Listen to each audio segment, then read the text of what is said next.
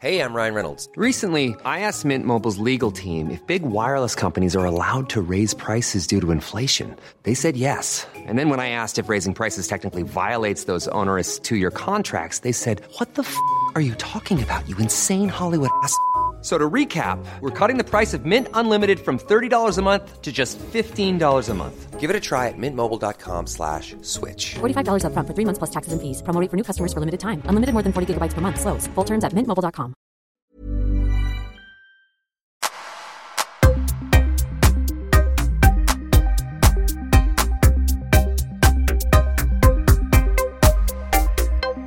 Karlfrid, välkommen tillbaka till Öppet sinne. Ja men tack för att jag fick komma igen.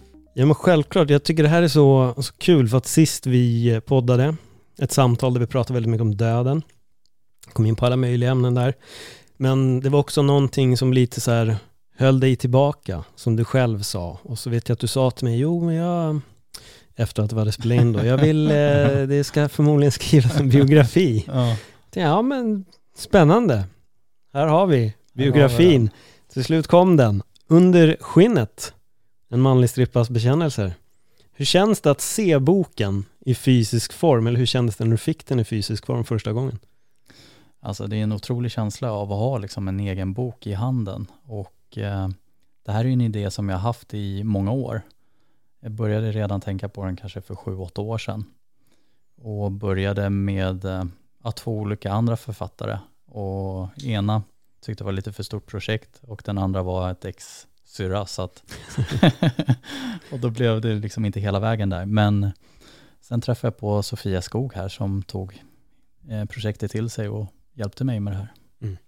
Men eh, känslan av att ha den, ja nej, men den är, den är oslagbar. sen är det ju liksom, och nu har ju du läst den till och med.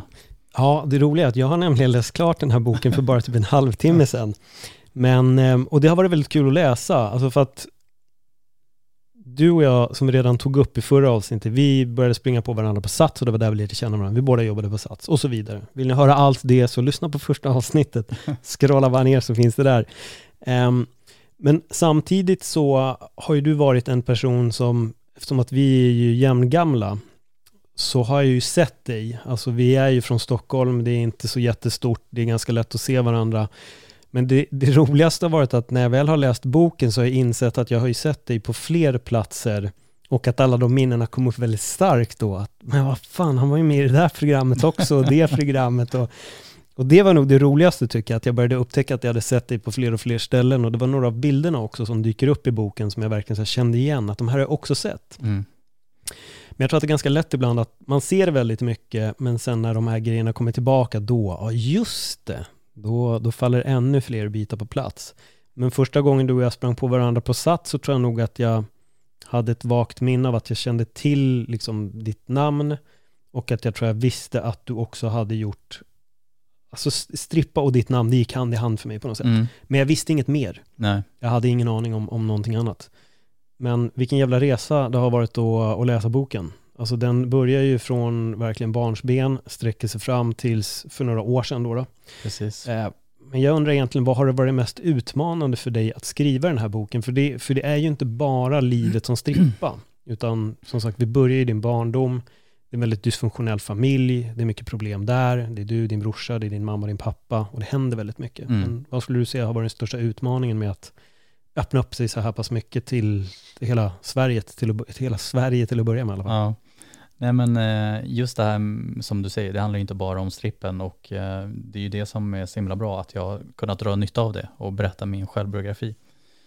Eh, och det är ju mycket, många delar i uppväxten som är lite tuffa att berätta. Och jag har ju inte såklart berättat allt heller, men jag har ju valt att ta upp liksom en hel del händelser så att det blir en röd tråd i hela historien. Och det är framförallt min relation med min pappa.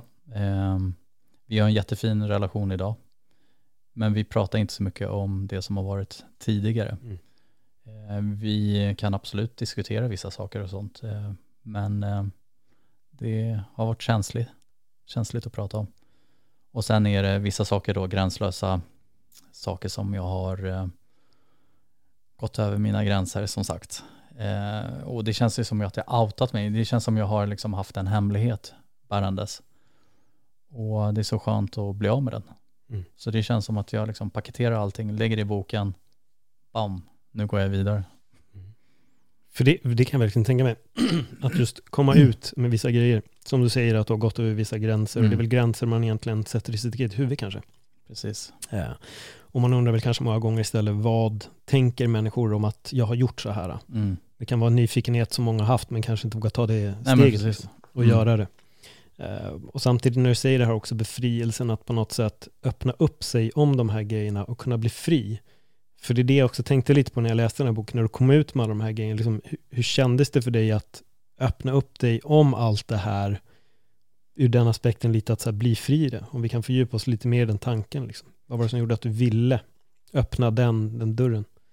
Hela syftet med boken och min resa är ju att jag vill kunna inspirera andra till att göra en likadan förändring. Eh, Även om oavsett man har varit och gått igenom i sitt eget liv så kan man göra en förändring. eh, Bara man räcker ut sin hand och får den hjälpen då. För det finns ju hjälp att få Mm. om man bara anstränger sig. Men just i mitt fall så um, det var ju tufft att sitta där med en främmande människa som Sofia var egentligen för mig. Vi träffades via Instagram och eh, började prata om träning och så. Och sen skrev hon eh, eh, på ett, projekt, Eh, ett bokprojekt där innan. Och eh, vi klickade och på den vägen blev det liksom att hon eh, erbjöd sig att skriva den här självbiografin. Men eh, känslan att få liksom börja berätta och grotta ner sig i de här traumatiska sakerna som jag varit med om, som jag själv tycker. Alla har vi ju olika stora problem, men det var tungt. Det var tungt, för vi satt och pratade ganska mycket och spelade in samtal i början, innan vi började skriva ner. Och då fick jag liksom återuppleva alla de här sakerna. Och då kommer ju den här skammen som jag haft tidigare och även ångest. Jag kunde ju hantera det på ett, sätt, ett annat sätt idag eftersom jag har bearbetat det. Men det var ändå att man blir påmind av de här känslorna och kände hur tungt det var just då när jag genomförde saker. Hur reagerade din familj när du skulle skriva den här boken? De eh, visste inte det till en början, men sen har ju jag pratat om det under tiden att nu, nu kommer det ske, liksom, nu kommer det bli av. Och de har ju bara sett fram emot det. Så att eh, det har jag faktiskt fått både stöttning och support för det. Mm. Sen har inte de vetat kanske vad jag ska skriva i boken. och eh, min mamma läste den. Hon läste den ut på någon dag, två dagar. Och um, det var ganska skönt för att hon höll med mig om liksom allt, att hon kände igen det mesta. Sen är det klart att händelser som har hänt mig, att hon inte har vetat om allt. Men eh, just det här med beskrivningen i min uppväxt och sånt, att det stämde bra. Hur var det för henne att läsa allt det där? Hon tyckte det var jobbigt och hon har ju förstått att jag har mått dåligt i eh, vissa stunder i mitt liv. Och att hon kanske känner ibland att hon har haft dåligt samvete att inte kunnat vara den perfekta mamman under hela resans gång. Eh, Så det var nog lite tufft för henne. Men eh, samtidigt är hon så himla glad och positiv över att jag gjort den här förändringen. Hur har det varit för din brorsa att läsa boken? Ehm, han fick läsa ett första utkast och um, han har faktiskt inte läst hela den här nya boken. Nej. Men eh, han köpte den faktiskt av mig på första signeringen här så att eh, jag väntar med spänning vad han kommer säga. Men han om någon känner ju igen det mesta. Ja. ja men det är just det, det jag tänker på, just för att det är just, med- jag menar om din barndom kommer ut så kommer ju hans ut. Det är lite så jag Precis. tänker, att det är en idé, ni del, den resan delar Mm. ni ihop liksom. Sen går ni ju skilda vägar, att du gör dina livsval, Mm, fram tills att ni bodde under samma tak så delar ni ju samma upplevelser. precis, och det är när du säger det, för det är en väldigt viktig fråga. Ehm, för det är som du säger, hans uppväxt och barndom kommer ju också ut. Mm. Och um, jag vet ju att han stöttar mig i det här, men jag har faktiskt inte frågat honom Nej. egentligen hur han verkligen eh, känner och tycker om det. Mm. Så det ska jag faktiskt göra efter det här samtalet. du får göra det. Men hur har det varit att bära på den här hemligheten då, som barn? Alltså, för det var egentligen kanske inte var en hemlighet. Det kändes som att ganska många på ön visste om vad som pågick, att det var Mm. mycket fylla, det var mycket bråk. Och i boken uppstår ju också en scen där det blir ett eh, ganska stort bråk Mm. där din pappa är involverad. Då. Mm. Hur, liksom, hur var det för dig och er att hantera det här som små? Eh, som tur var så var inte vi den enda familjen som var lite dysfunktionell där ute, utan det var väldigt konstiga familjer. Eh, det fanns eh, både blottare och eh, skumma människor. Jag ska inte gå in på detaljer, men det hände väldigt mycket på den där ön. Och, men det är klart att har man ett par föräldrar som bråkade ganska mycket och det lät en hel del, så var det ju jobbigt att vistas i den miljön. Så att eh, det var ju inte alltid vi kunde ta hem vänner. Och eh, under den tiden så var man ju lite yngre och man ville hem och leka med sina kompisar och sånt där. Och det, det gick inte alltid att göra det i vår familj då. Jag vet inte varför jag började tänka på transdance, men det var en del i boken och helt plötsligt när du började prata om barndomen så började jag komma på alla de här nostalgiska grejerna som dök upp. För det är väl några gånger, trots all dysfunktionalitet som fanns här i början, så var det många gånger jag började skratta också. Bara den här mm. känslan av att bära en Salomon-väska kände jag igen mig för jag hade inte heller en. Jag hade en fjällrevskonken-väska. Men hur kände du för det? Alltså var det... Nej, det var nog inget speciellt, men jag vet att jag, det var den där klassiska, jag ville hellre ha en Salomon-väska. Mm. Så när, du skrev, när, när jag läser i boken så började jag garva, jag, bara, fan, jag kan känna igen mig i det där och jag tror att många gånger när vi är barn så, säkert även idag, det är ingenting som kanske upphör bara för att vi blir äldre, men då har vi förmågan att köpa det vi kanske vill ha, så vidare det inte är sjukt dyrt då. då. Mm. Men de här lite enklare grejerna kan vi alltid köpa om vi vill ha dem. Eh, men det var några gånger där jag verkligen började skratta åt de här små detaljerna, så jag kände igen mig i det. Fan, det där var verkligen så man tänkte när man var ung. Och det tycker jag också på ett sätt var, var fint och det är kul att få med det också. Mm. Så att det inte bara var det här vad ska man säga, dysfunktionella hit och dit och allting. Utan det var, det var, många fina instanser som också växer minnen, speciellt för oss som är liksom uppväxta då. Och det tyckte jag att ni fick fram väldigt bra i den här boken också. Ja men tack för, tack för det, för det var någonting vi verkligen tänkte på, att vi skulle ju liksom höja andra positiva saker också. Ja. Och just den här väskan, jag kommer ihåg det så himla väl. Jag menar alla hade ju den här blåa och jag fick en grå med röd text, eller du vet vitgrå. Och jag, jag, blev ju så glad och jag mm. visste ju att mormor gjorde det verkligen från sitt hjärta. Men det var ju inte rätt modell. Nej, nej. men för dem är det bara en ryggsäck. Det är det ja, som är grejen. Och det var det samma märke. ja, allting på plats. Idag hade det varit bara coolt att sticka ut lite, istället Exakt. för att vara en i mängden. Precis. Men hur upplevde du sen när du blev liksom lite äldre och du kunde ta dig därifrån? Hur kändes det att lämna det här hemmet?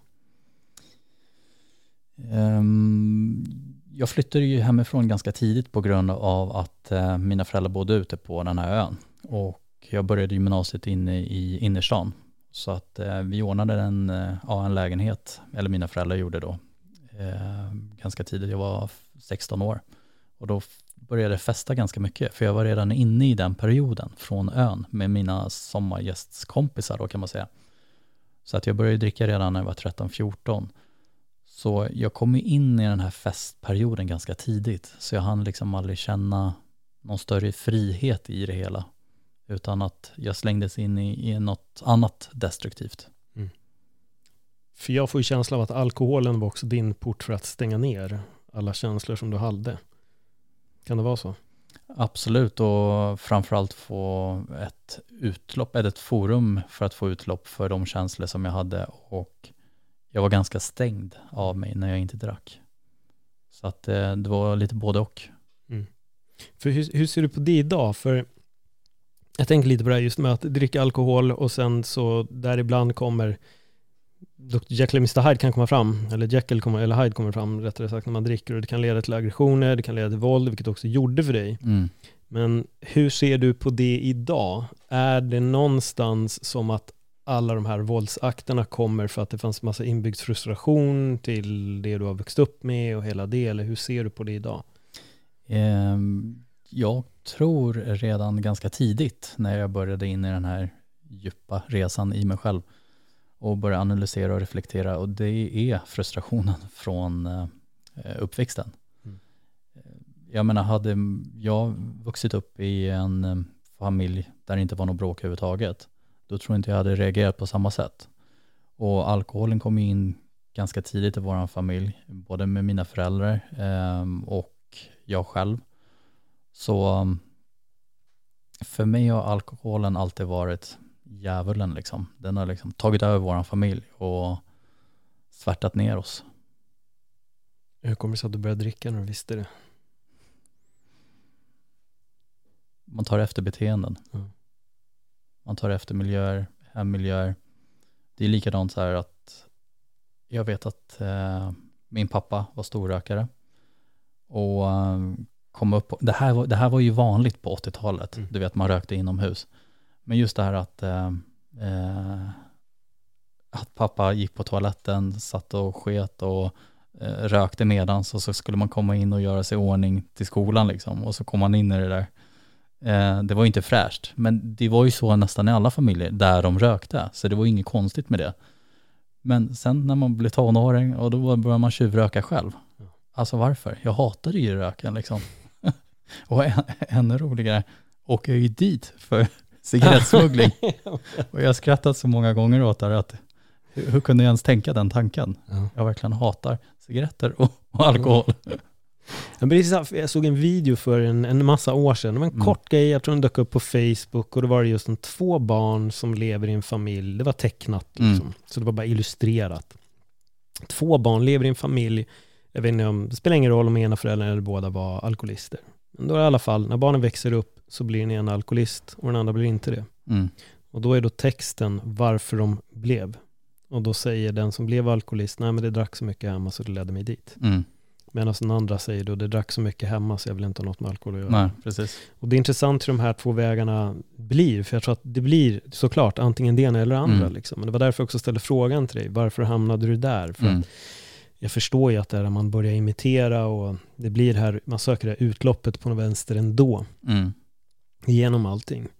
Men du kommer ju också ifrån allt, vad gäller just, allt kommer du inte ifrån, men du kommer ifrån alkoholen i alla fall. Vad var den största väckarklockan för dig när du ville insåg att jag, jag kan inte dricka längre? Jag tror jag kände det ganska tidigt, eh, framförallt med de här eh, våldsamma handlingarna som jag gjorde och eh, jag var ju häktad ganska tidigt. Eh, jag kommer ihåg min första häktning, då var jag nog eh, 18 precis. Eh, och du vet, vara häktad i tre dagar, eh, det är inte jätteroligt när man är rätt ung som man var och sen ligga där med skam och ångest och eh, jag hade säkert tagit droger då också, för det var det jag gjorde. Eh, tog droger och alkohol och vaknade upp där i cellen. Det, nej, det var ingen skön känsla. Hur många häktningar blev det innan du fick kokain? Eh, Jag blev dömd för, eh, jag tror att det var tre, fyra gånger, tre, fyra misshandlar innan jag fick fängelsedomen. Mm.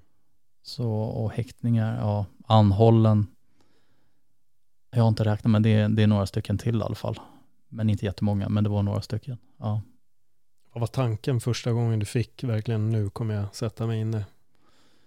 Ehm, Jag trodde ju först att jag inte skulle få fängelse för det hade de hotat med tidigare. Eller hotat, de yrkar ju på det. De yrkar på fängelsestraff. Och sen när jag väl fick det så var det som att ridån åkte ner. Mm. Nu ska jag liksom in med de stora grabbarna. Det är, det är fängelse vi pratar om, det är sluten anstalt. Så um, det är klart att man blev nervös. Um, kanske till och med um, lite rädsla. Så um,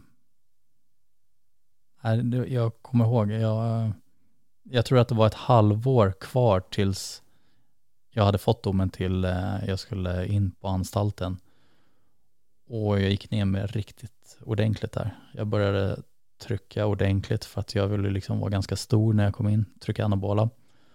Och sen eh, körde jag på järnet med eh, kokain, kommer jag ihåg. I vilket syfte körde du på järnet på kokain? Var det bara för att festa eller var det för att... Festa eh, och trycka bort känslorna. Mm. Så att jag blev mer som en maskin. Liksom. Hur det kändes att kliva av allting och kliva in i fängelse? Ehm, jag, jag hade inte tänkt så långt. Nej, jag förstår det.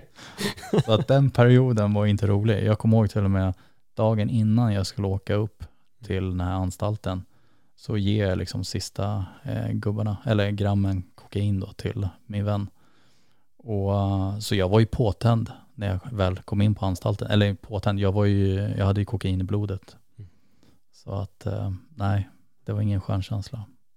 Mycket ångest som kom över kan jag tänka mig när tankarna får börja flöda normalt igen och ensamheten att vara med sig själv. Ja men precis, och liksom dagen innan jag hade festat, var ute på Stureplan och var på någon klubb där, hade haft någon tjej. ehm, från att dagen efter var inlåst Mm. uppe i liksom norr. Det, det kom ju som en chock. Hur länge var du satt första vändan? Ett två och ett halvt år fick jag, så man sitter eh, närmare två år då nästan. Mm. Lite drygt. Hur var upplevelsen? Typ ett år in, vad, hur kändes det då? Eh, jag tror jag berättar, gestaltar det i boken där när man kommer in och det kommer ju det här förtroenderådet. Det var en kille som var lite blind nästan och det, alltså det, här var, det här var liksom grabbar som, eller gubbar mer, som hade suttit inne ett bra tag och de har åkt in och ut liksom. Så det här, det här var vana killar. Och de ville väl kolla vad jag var för kille liksom. Men vi stämde av det ganska snabbt så det var ganska harmlöst. Eh, Men ändå känslan för mig var ju ganska rå ändå. Mm.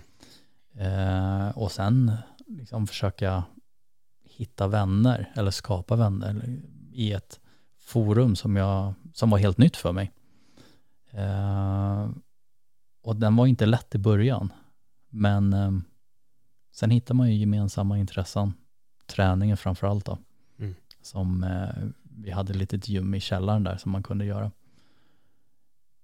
Eh, ja, och sen var det ganska mycket humor i det hela. Att man skojar bort det. När vi satt och åt och man fick eh, ett litet gäng som man hängde med och så. Så att då kunde man ändå slappna av på ett bättre sätt. Att komma ut därifrån sen då? Du beskriver i boken, det är i Mm. princip direkt ut på, på fest på en gång. Det måste ju också vara en grymt stor kontrast att komma från det här uh, isolerade utrymmet till jättemycket folk, jättemycket ljud, mycket intryck och Ja, men eh, för att jag var ju på behandlingshem efter anstalten. Eller det var en del av anstalts, anstaltsvistelsen. Så att jag var där ett halvår och då grottade vi ner oss ännu mer. Ehm, och det var lite tufft för att många andra som var där, de ehm, fortsatte med sin kriminalitet. De rymde på nätterna och gjorde brott. Ehm, de tog droger och sånt. Men jag menar, vart eftersom så fick de ju åka tillbaka eftersom de åkte på eh, urinproven där då. Men eh, jag hade ju lagt bak, eller bortom eh, både alkohol och drogerna när jag kom ut där. Men däremot kom jag in i kriminaliteten. Eh, så den blev ju tyngre. Och sen träffade jag ju faktiskt en tjej där och hon drack väldigt mycket, men jag var nykter.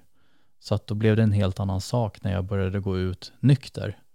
Och då fick jag liksom ta del av någon annans resa in i den destruktiva alkoholen, eh, alkoholvärlden. Och um, det var inte roligt heller. För då var jag ju kvar, då, var, då blev jag medberoende helt plötsligt. Ja, För det där är intressant att du säger det just att man själv har lämnat någonting och träffar någon som är i den sfären. För dricka är ju jättenormalt, alltså det är Mm. helt normaliserat, det är inget konstigt alls. Det är nästan konstigt ställe om man inte vill dricka. absolut. Då blir man istället frågasatt och så drar många förutfattade meningar om varför man inte dricker den. Men det måste ha varit superkomplext för dig att, att se, se hela den grejen samtidigt som du bara vill distansera dig från den. Men det är på något sätt omöjligt att distansera sig när det är en, den normalaste delen av vår vardag egentligen. Mm. Om du fördjupar dig lite mer i det, hur, hur, hur var det att handskas med allt det här? För du har ju varit så involverad i en svärd där alkohol är det där. Absolut, och det var ju någonting som jag verkligen ville komma ifrån som du säger. Och genom att jag träffade en kärlek som eh, drack då när vi gick ut på helgerna och hon drack oftast för mycket. Och jag kände igen alla beteenden på en gång eftersom jag själv har varit där. Och då fick jag liksom försöka särskilja på att okej, nej men hon är en, hon har en personlighet när hon är nykter och hon har en annan personlighet när hon är full.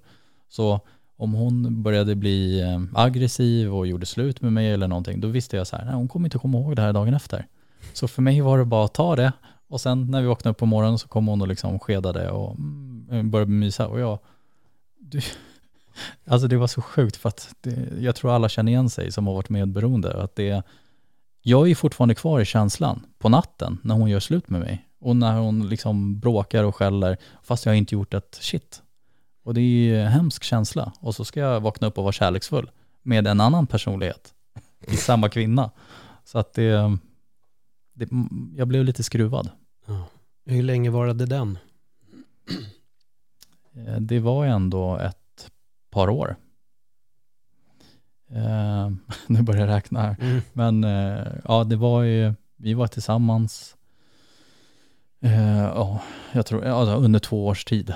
För sen blev jag häktad eh, igen där. Så det här är inte första tjejen som jag blivit tillsammans med när jag kom ut direkt efter Nej, precis. behandlingen. Och sen vill jag bara säga, hon drack ju inte hela tiden, utan det här var när vi var ute och festade och sånt där. Men, Men det ja, kan vara tillräckligt mycket när man ändå inte är där själv. Jag dricker inte heller alkohol, Mm. så jag vet, jag vet ju hur det är. Alltså, Ja. Jag kan själv tycka att det är jobbigt. Alltså, jobbigt tycker jag inte, men det beror på hur folk blir.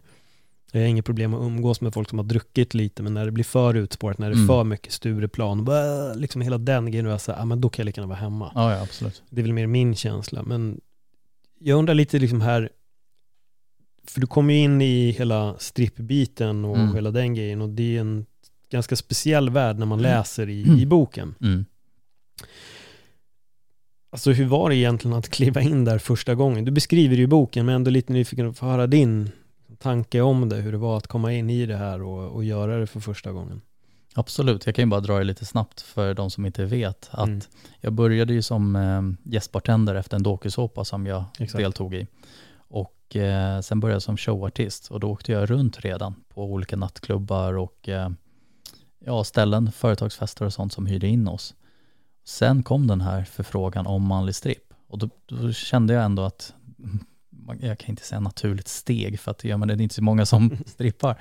Men eh, det var ändå ett steg in, in i samma bransch i showbiz. Och um, stå där och ja, känslan för första gången jag står där och ska klä av mig. Jag visste ju inte att man skulle ha rip-off-byxor med carbar, utan jag står där med ett par jeans och jag skulle vara cowboy tror jag. Och du vet, jag hade ju druckit för att jag var ju nervös och jag hade eh, dragit en lina, cola, eller kanske två, tre, jag vet inte, jag kommer inte ihåg. Och så ska jag få ner de här byxorna, du vet, jag står där och får ner dem till knäna och du vet, jag nästan ramlar och försöker få av mig bootsen och samtidigt ska jag försöka vara sexy och jag ser alla människor som, sti- alltså, som står och tittar på en. Så det var, eh, det var väldigt utmanande för mig att stå där och klä av mig samtidigt som jag ska liksom försöka förföra dem eller vad man ska säga, göra en sensuell dans. Och ehm, jag kände liksom inte mig bara naken genom att jag stod där utan kläder, utan jag kände mig verkligen naken i själen också. För det var faktiskt i början inte så himla lätt att gå ut och bara göra det. Utan det var det som jag ville försöka komma fram till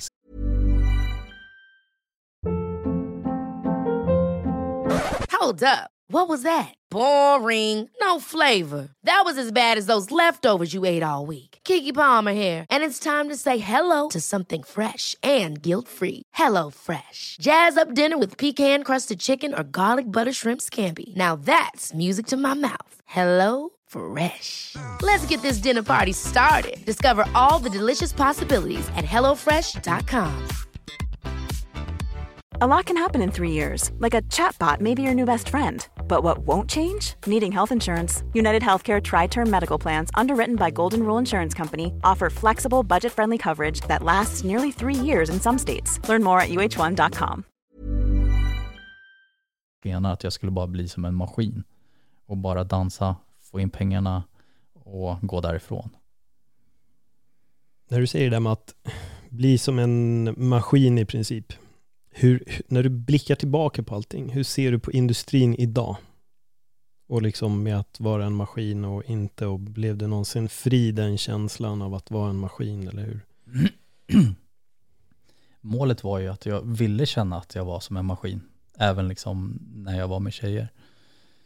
Att jag skulle jämt prestera, jag skulle vara så himla eh, duktig liksom att vara den bästa i sängen och kunna gå och träna varje dag och inte känna det liksom att, nej men är jag lite svag eller är jag lite, jag kanske inte känner att jag har så himla stor lust att vara med den här tjejen liksom, utan allting var bara prestation hela tiden liksom, att jag vill bara vara en maskin, man trycker på en knapp, jag vaknar på morgonen och så gör jag det jag ska göra, går och jobbar och gör allt det här. Men innerst inne kände jag att det här var inte rätt. Och det är väl det som har varit den röda tråden i hela mitt liv, att jag har fortfarande känt att jag har ändå varit ganska snäll kille liksom innerst inne och eh, haft empati och sympati med andra människor. Och det är det som har gjort ont när jag har skadat andra människor. Så att ehm, det fallera, det tankesättet att vara som en maskin. Även om jag agerar som det, så kändes det inte som det. Hur mycket har du fått bearbeta de här känslorna på efterhand? Eh, jättemycket. Jag har suttit, eh, det här var ju en period också när jag gick på eh, tolvstegsprogrammet och möten och eh, suttit mycket med terapeuter. Sen har jag även gått eh, och fått diagnoser efterhand. Mm. Så att jag har pratat mycket om det. Vad är det för diagnoser du har fått? Eh, ADD och eh, en släng av Asperger. Okej. Nej men det går ju lite hand i hand. Ja. Men eh, det är ingenting som jag äter medicin för och det är ingenting som jag vill ha Nej. på papper liksom på det sättet. Utan jag gjorde det för min egen skull för att känna efter Mm. vad jag hade för något. För i den här boken, du, du delar ju verkligen dig om, om väldigt mycket och jag kommer låta lyssnarna att få läsa boken om de verkligen vill ta del av det. Men jag är ändå väldigt nyfiken för du är väldigt öppen om att du tänjer på, på även massa gränser här och det uppdagas ju ganska tidigt i boken att det finns en nyfikenhet på väldigt mycket då, alltså sexuellt och hela den biten. Eftersom att du är i strippsvängen så händer ju väldigt mycket konstiga saker. Men liksom, första gången du hamnade i en sån typ av situation, hur hanterade du det och vad var känslan dagen efter? Menar du de privata danserna Ja, på det sättet? de där det liksom gick över gränsen. Ja men säga. precis. Eh, och det var ju också mycket att jag tänkte liksom att det skulle vara bara att göra och sen gå därifrån. Men eh, på det sättet som jag hanterade just då, då drack jag ju inte så mycket. Och eh, då tröstade jag mig faktiskt med att komma in i eh, ett matberoende, sockerberoende. Så jag dövade faktiskt mina känslor med det. Och känna den här skammen som jag gjorde då, det var det att jag isolerade mig ganska mycket. För att jag ville liksom inte känna att jag skulle sitta och prata med någon och se någon i ögonen. För att det kändes som att de såg igenom mig. Så att det, det tog väldigt hårt. På vilket sätt menar du att de såg igenom dig? Att eh, jag bar på den här hemligheten och de kunde se in i mina ögon och se att ja, men jag vet vad du gjorde igår kväll. Mhm. Fast de hade ju ingen aning. Men det var en sån känsla jag bar på. Har du någon gång ång- ångrat att du klev in, klev in i den världen? Ja, nu i efterhand så känner jag att jag skulle ha gjort det på ett annorlunda sätt. Och jag tror att hela den här dokusåpasvängen för mig blev ju en destruktiv, en destruktiv spiral rakt ner. Men jag skulle kunna gjort det på ett mycket bättre sätt. Eh, sen sitter inte jag och ångrar mig om olika saker utan jag får ta lärdom av det istället. Och för mig känns det bättre att tänka så istället för att eh, sitta och ångra mig. Vad har varit tuffast att, eh, vad ska man säga, ta till sig och verkligen så bara acceptera eller förlåta sig själv kanske för, skulle du säga? precis som du sa, att acceptera sig själv så som Mm. man har varit. Ehm, för det är ju nästan lite första steget där att ja, men jag, nu har jag fått en hel del konsekvenser här. Mm. Då måste jag ju bli medveten om det. Och det har jag ju blivit eftersom jag ser konsekvenserna. Sen acceptera det. Det är så jag har varit, det är så jag gör. Ehm, eller gjorde, för det är ju inte så- sånt som jag gör nu. Men och sen får jag ju försöka skapa de resultaten som jag vill få istället Mm. och sen leda mig framåt. För det är det som är det viktiga, att kunna komma framåt. Jag vill att vi går tillbaka till, snart, så Mm. vill jag att vi går tillbaka till hela personlighetsutvecklingen och allting, för det är någonting som jag gillar väldigt mycket, ni som lyssnar på podden vet. Men eh, jag vill ställa en sista fråga om just hela den här eh, sfären och industrin. För det kommer upp två gånger i, i boken. Så är det just att kvinnorna tar väldigt mycket på dig. Men om en man hade gjort mot en kvinna så hade man sett det på ett helt annat sätt. Det hade varit för jävligt. Eh, Jag tycker det är en intressant sak som tas upp i boken, för jag tror att det väldigt, väldigt många gånger så är, målas bilden upp att det alltid bara är männen som är odjuren mot kvinnorna. Och att kvinnorna aldrig gör någonting mot männen i princip. Vad är din känsla av att ha varit i den här sfären och varit där? Eh, nu vet vi ju att eh, eh, mäns våld mot kvinnor är överrepresenterade än kvinnor mot män. Nu syftar jag inte på våld, Nej, utan mer bara nej. här med att tafsa och... Ja men precis. Eh, och, och det var ingenting mo- mot det, utan Nej. det jag bara vill flika in Ja. med att eh, den känslan som vissa kvinnor har fått uppleva, den känslan har även jag fått uppleva. Mm. Sen, eh, Ja, vad skulle jag säga med det? Jo, att den, den är inte rolig. Nej. Ef- Eftersom jag berättar vissa situationer i boken där jag liksom stått på scen och just den här eh, känslan att man inte är något utan man bara är ett objekt. De objektifierar en och eh, ser inte liksom eh, känslorna bakom den här personen. Ja men när jag står där med en vältränad kropp och de tänker att nej men det är lugnt, jag, jag rycker handduken, han står här naken nu och nu springer massa tjejer fram och börjar riva honom på ryggen. Ja men det tycker han säkert är jätteskönt. Nej det är inte skönt. Mm. Det börjar blöda, eh, jag har blivit biten i bröstvårtor. Det är så här, eh, det kanske inte låter så hemskt, men det är ju, det är ju lite traumatiserat. Mm. För att det är ett övergrepp på mig som person. Och sen eh, har jag väl kanske ibland skrattat bort det eller skojat bort det. Men ju äldre jag blev och ju mer sådana situationer jag var med om så kunde jag ju liksom säga så här, tjejer det här är inte okej. Alltså om jag ska fortsätta då får ni ta ett steg bakåt. Eller så avsluta det. Och det har jag gjort. Jag har gått därifrån, bara liksom tagit mina kläder. Nej men nu avslutar det här, det här är inte okej. Hur har deras reaktion varit då? De blir överraskade och förvånade. För att de tänker, ja men vadå, vi har hyrt in dig som strippa, får inte vi göra som vi vill? Mm. Och det är jättemånga, för det är ganska många eh, tillfällen där tjejer tror, och även killar då som jag dansar för, att eh, jag ska göra mer än bara dansa. Och eh, vad jag vet så en, en strippa, det är ju någon som dansar och tar av sig kläder. Jag är ju inte eskort, för det är ju en annan sak. Så att den gränsen har nog många svårt att eh, sätta en gräns emellan. Vad, vad, vad tror du att det är som gör att folk objektifierar på det här sättet? För jag kan verkligen förstå det du säger. Ja, att du är ju bara strippan.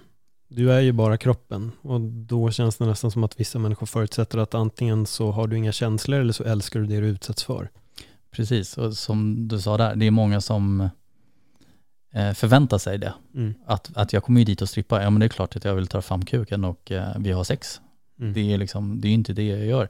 Och det är många som också även sagt att jag går in som en roll. Sen när jag tar av mig, eller när jag har tagit av mig kläderna och tagit på mina privatkläder och ska liksom önska dem en trevlig kväll och gå vidare, då får ju de se eh, mitt riktiga jag. Och då blir de nästan lite chockade och bara, men vadå, du är jättegullig, du är jättesnäll ju. Jag bara, ja, varför skulle jag inte vara det? Utan de har ju en annan liksom bild av när jag kommer in där som polis och lite macho och liksom slå med batongen. Och jag förstår ju det, för det är ju en roll jag går in i. Så att det är ju liksom inte Karl som kommer in, Nej. utan det är SWAT-polisen eller vad det kan vara. Jag har ju pratat rätt mycket om det här med identiteter, att Mm. sätta folk i fack. Mm. Och att vi ofta är väldigt duktiga på att sätta oss själva i fack. Men det är väldigt intressant det du lyfter här, för här märker man ju att du, har ju, du blir placerad i ett fack. Mm. Alltså direkt, bara du har klivit in.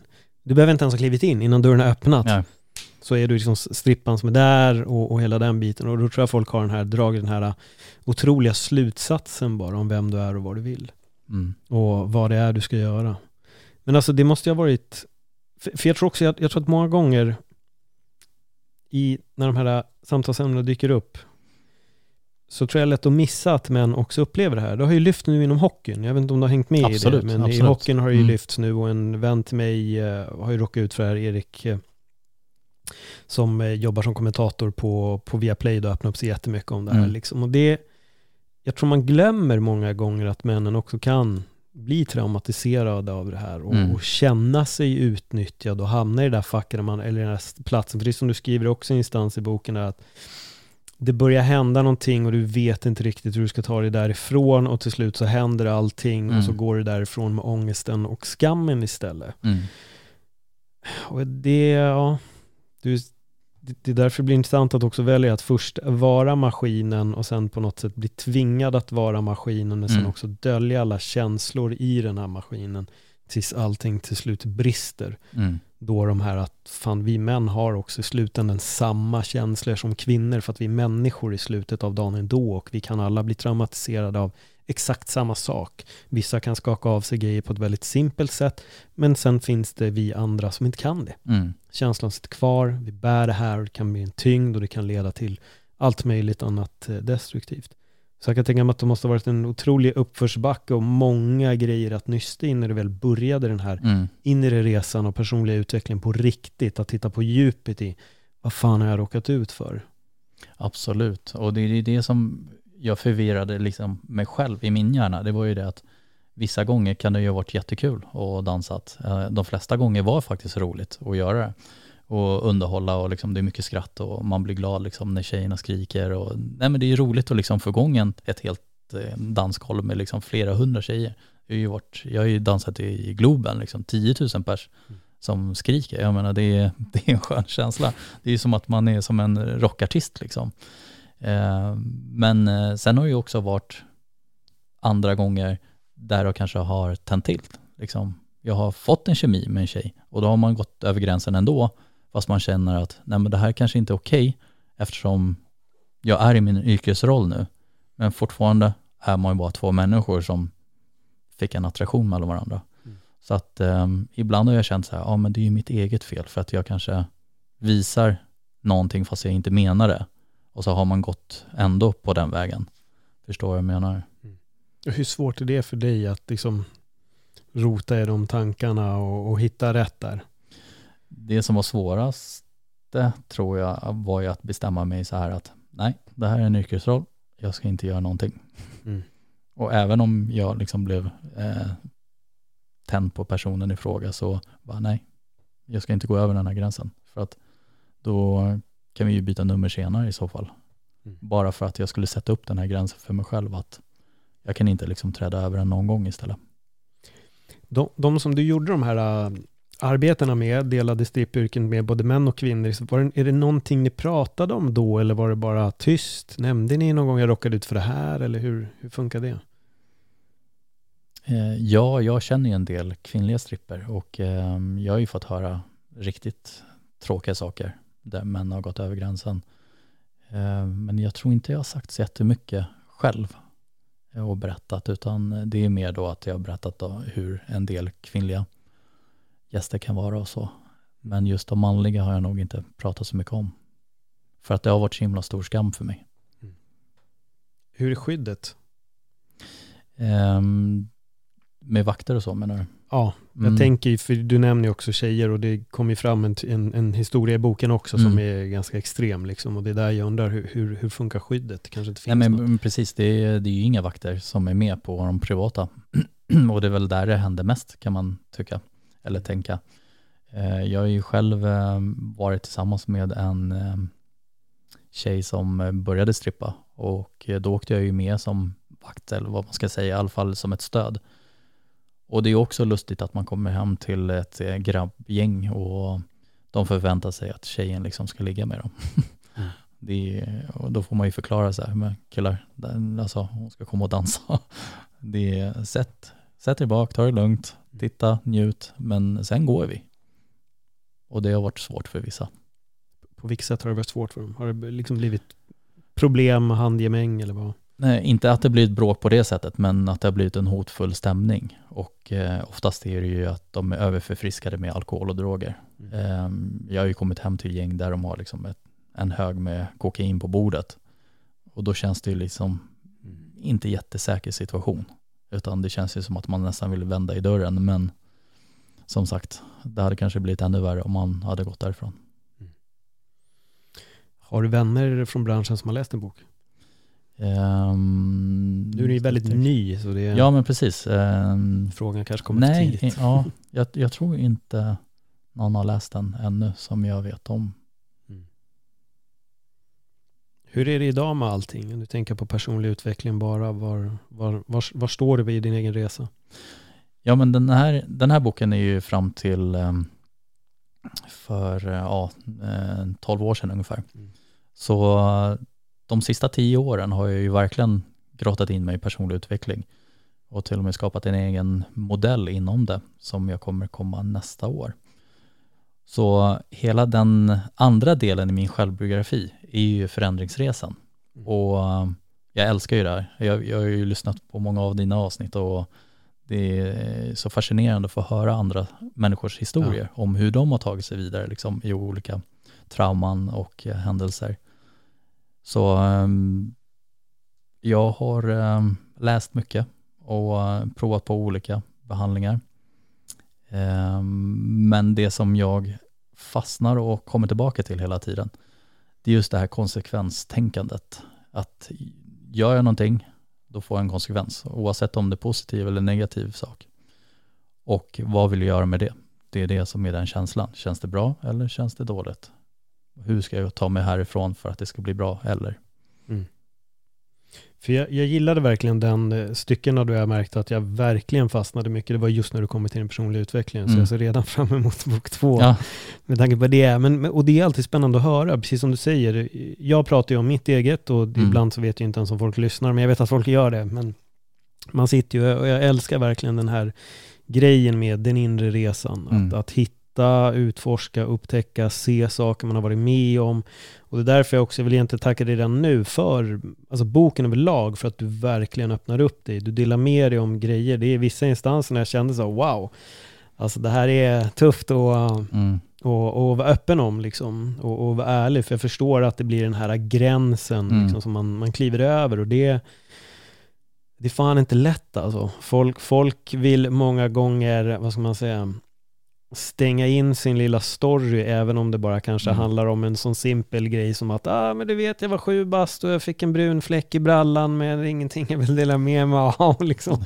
Men här går det ju många nivåer längre och verkligen öppnar upp det och mycket. Och jag, jag tror att det behövs. Jag tror att det är viktigt för folk att kunna lyssna på de här historierna. För som du säger, bli inspirerad och kunna dela med sig av sitt mm, också. Och det är det jag tycker är bra med den här boken. Att den, den börjar vid en punkt och den tar med i många instanser. Men till slut kommer den verkligen till den här utvecklingen och börjar rannsaka sig själv och börja titta tillbaka. För jag tror det är svårt också när det är den här, äh, nu hänger vi på Stureplan, vi ska kröka, vi ska slåss, vi ska knulla massa brudar. Man är inte där då. nej, Idag kanske vi ska tacka internet, inte för allt, men för att det finns en del där man börjar höra de här historierna. Mm. Om resan, om att tänka längre och kunna gå djupare. Det är lättare att ta till sig filosofi och citat och hit och dit än vad det var på vår tid. mm, Det var inte som att man helt plötsligt fick höra om Marcus Aurelius när man satt och, och drack, men via Instagram man kan snubbla på Ja. det helt plötsligt. Jag tycker det är väldigt bra. Och det är redan i förra avsnittet vi gjorde också så kom vi in på väldigt mycket med, med döden. Och, och jag tror att jag får ett förstånd också till kanske varför döden skrämmer dig. mm, Speciellt med tanke på hur boken börjar. Med hjärtat och det är även där också din bok slutar. Liksom. Mm. Att du, du, det är som att du dör och föds på nytt. ja, Hur, hur, så. hur är din känsla till döden idag? Eh, ja, den är ju helt annorlunda idag. Jag vaknar ju om att, eh, över att jag är tacksam över att jag får vakna överhuvudtaget och Mm. känna att livet är här och nu eh, och vara närvarande. Så att jag har lärt mig att eh, få vara mer i den känslan. Och den är ganska trygg faktiskt. För jag kan inte göra så mycket vad som händer imorgon. Utan jag kan ju bara ta in det som händer idag och göra det bästa av saken. Oavsett om jag träffar eh, olika människor i olika relationer eller situationer under dagen så kan ju ändå jag bestämma hur jag ska reagera på det. Och mm, döden i sig kan vara så sorglig och den kan vara så fin på olika sätt. Och nu när jag har jobbat i de här olika yrkena som jag har gjort och jag kommer då berätta mer om det i andra boken. Eh, men jag kan berätta lite snabbt då att jag har varit på bårhus. Jag har jobbat eh, för ett företag med eh, uppdrag av polisen och även inom ambulansen för landstinget då med deras transportavdelning av avlidna. Och just under pandemin för att jag vill hjälpa till och även liksom växa som person. Så ehm, att få ta del av andras sorg har nog varit, har varit det största för mig. Den största utvecklingen inom döden för att se och bearbeta mina egna rädslor för att en dag ska jag dö. Men det är nog inte det som skrämmer mig mest idag. Det är ju att tiden inte ska räcka till för de personer som jag har runt omkring mig. Och um, min mamma blev svårt sjuk i eh, covid här i somras. Och hon är fortfarande på sjukhusen, ja det är fyra månader nu som hon har legat med Oj. intensivvård. Och hon höll på att gå bort i eh, första veckorna där, när hon låg på IVA med, eh, ja och var nedsövd. Så att eh, känna det här att man ska ta hand om varandra när man lever och, ge varandra tid. Mm. För det är ju tiden som är viktigast. Det är ju det dyrbaraste vi har. Ja. Och sitta där bredvid min mamma och stryka henne över håret och försöka hålla henne i handen. Eller försöka, jag gjorde det. Men just det här att jag försökte få någon impuls av att hon kände min hand. Det gjorde hon inte utan den var ju helt lelös. Och då fick jag den här känslan av att hon kan lika bra kunna dö nu. Och då, det var smärtsamt att känna. Det Men förstår hon vände på det. Mm. Så i, idag mår hon mycket bättre. Mm. Ja, hon har ju läst boken. Ja, precis. Ja, det hade den inte kunnat för fyra månader sedan. Nej, Det, det, det är fint att höra och du nämner ju också det här med Liksom, det är fint att du lyfter det också med tid och pengar och hela den biten. Och det är ju något du också tar upp i boken Mm. väldigt mycket. Att när det väl stängs in så spelar det ingen roll hur mycket pengar du har. Eh, du hade kunnat byta bort alla de pengarna till att Ja, bara få vara fri och leva Mm. litet istället men ändå bara ha, ha friheten. Mm. Hur, hur ser du på friheten idag? Friheten att kunna välja mina egna val. Mm. Att eh, inte känna mig pressad eller stressad över situationer. Och det är därför jag, liksom, jag har valt att avsluta allt det här. Och just som jag berättade för dig tidigare när jag kom hit, Mm. så börjar faktiskt ett, ett helt nytt kapitel för mig nu i januari. Så det känns eh, både lite skrämmande tänkte jag säga, men det, så känner jag faktiskt inte, utan det är mer att jag känner mig pirrig. Jag är nyfiken. Jag är nyfiken på vad som kommer hända. Och jag har ju såklart mål och planer, men livet är ju här. Så att eh, allting kan ju hända.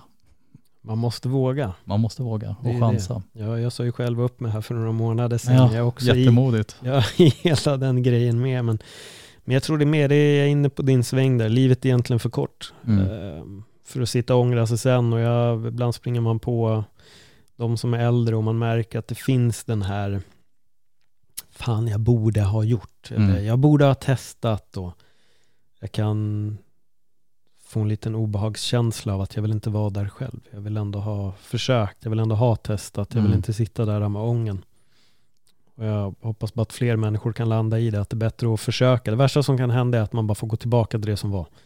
I, i allra värsta fall får man väl bara backa bandet tillbaka. Men man ska i alla fall försöka. Jag tycker man ska testa. Verkligen. Jag ser fram emot att sitta med dig om ett år igen eller någonting och få se vad som har hänt. Jag ser fram emot att, att läsa bok två. Men jag tänker lite om det är folk som kanske är i den sitsen som du var i här och då. Vad, vad skulle du vilja ge för råd? Det första rådet är att eh, du kanske ska tänka över situationen som du är i. Är det här någonting jag kan ta mig ur själv? Eller behöver jag professionell hjälp? Eh, finns det någon hjälp runt omkring mig som jag kan redan ta nu? Mm. Att man eh, försöker ta liksom här steget och komma ut ur den situationen man är i. Och det är oavsett vilken situation man är, tycker jag. Så att eh, våga, våga, precis som vi pratade om där, våga ta hjälp. Mm. För oftast kommer man inte ur själv. Och då är det viktigt att man söker den hjälpen. Och idag är det så himla lätt med mobiler och googla fram någonting liksom. Det finns ju, har du alkohol och drogproblem, ja men du kan faktiskt gå på tolvstegsmöten helt gratis, helt fritt. Du kan sitta längst bak, det är ingen som behöver se dig liksom. Det är helt anonymt. Så att man kan alltid börja någonstans. Ja, perfekt. Mm. Perfekt avrundning på, på samtalet. Som sagt, återigen, tack för, tack för boken. Eh, jättestort tack och verkligen en stor eloge för att du vågar dela med dig av mycket utav det som du gör, för det hade varit väldigt lätt också att skippa vissa historier. Eh, men, men du gör det och, och det är stort och det är starkt och det är så vi också utvecklas, utvecklas som människor. Att eh, dela med oss av även det, det tunga så att folk förstår att de tunga delarna i vårt liv, det, alla har vi dem på ett eller annat sätt. Mm. Livet är inte en dans på rosor, även om den är det ibland. Så är den inte alltid det. Så, så stort tack Karl. Eh, om man inte redan följer dig på din resa, var hittar man dig då? På Instagram, karl.frid. Och kom ihåg, köp boken. Jag kommer att lämna länk i bion, även både på YouTube och i podd. Så om ni har lyssnat på den här podden på YouTube, lämna gärna en kommentar, lämna lite åsikter och tankar om det ni har, har hört.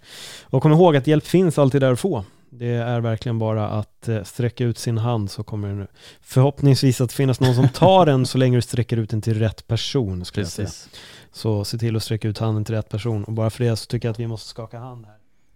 Tack så jättemycket. Tack för att du läste. Ja, absolut. Och jag kommer att läsa bok två också så fort den kommer. Det vet du. Så passa på och eh, läs Karls bok. Se till att eh, införskaffa den. Med det får vi säga tack för den här gången. Tack. Ha det bra. Hej då!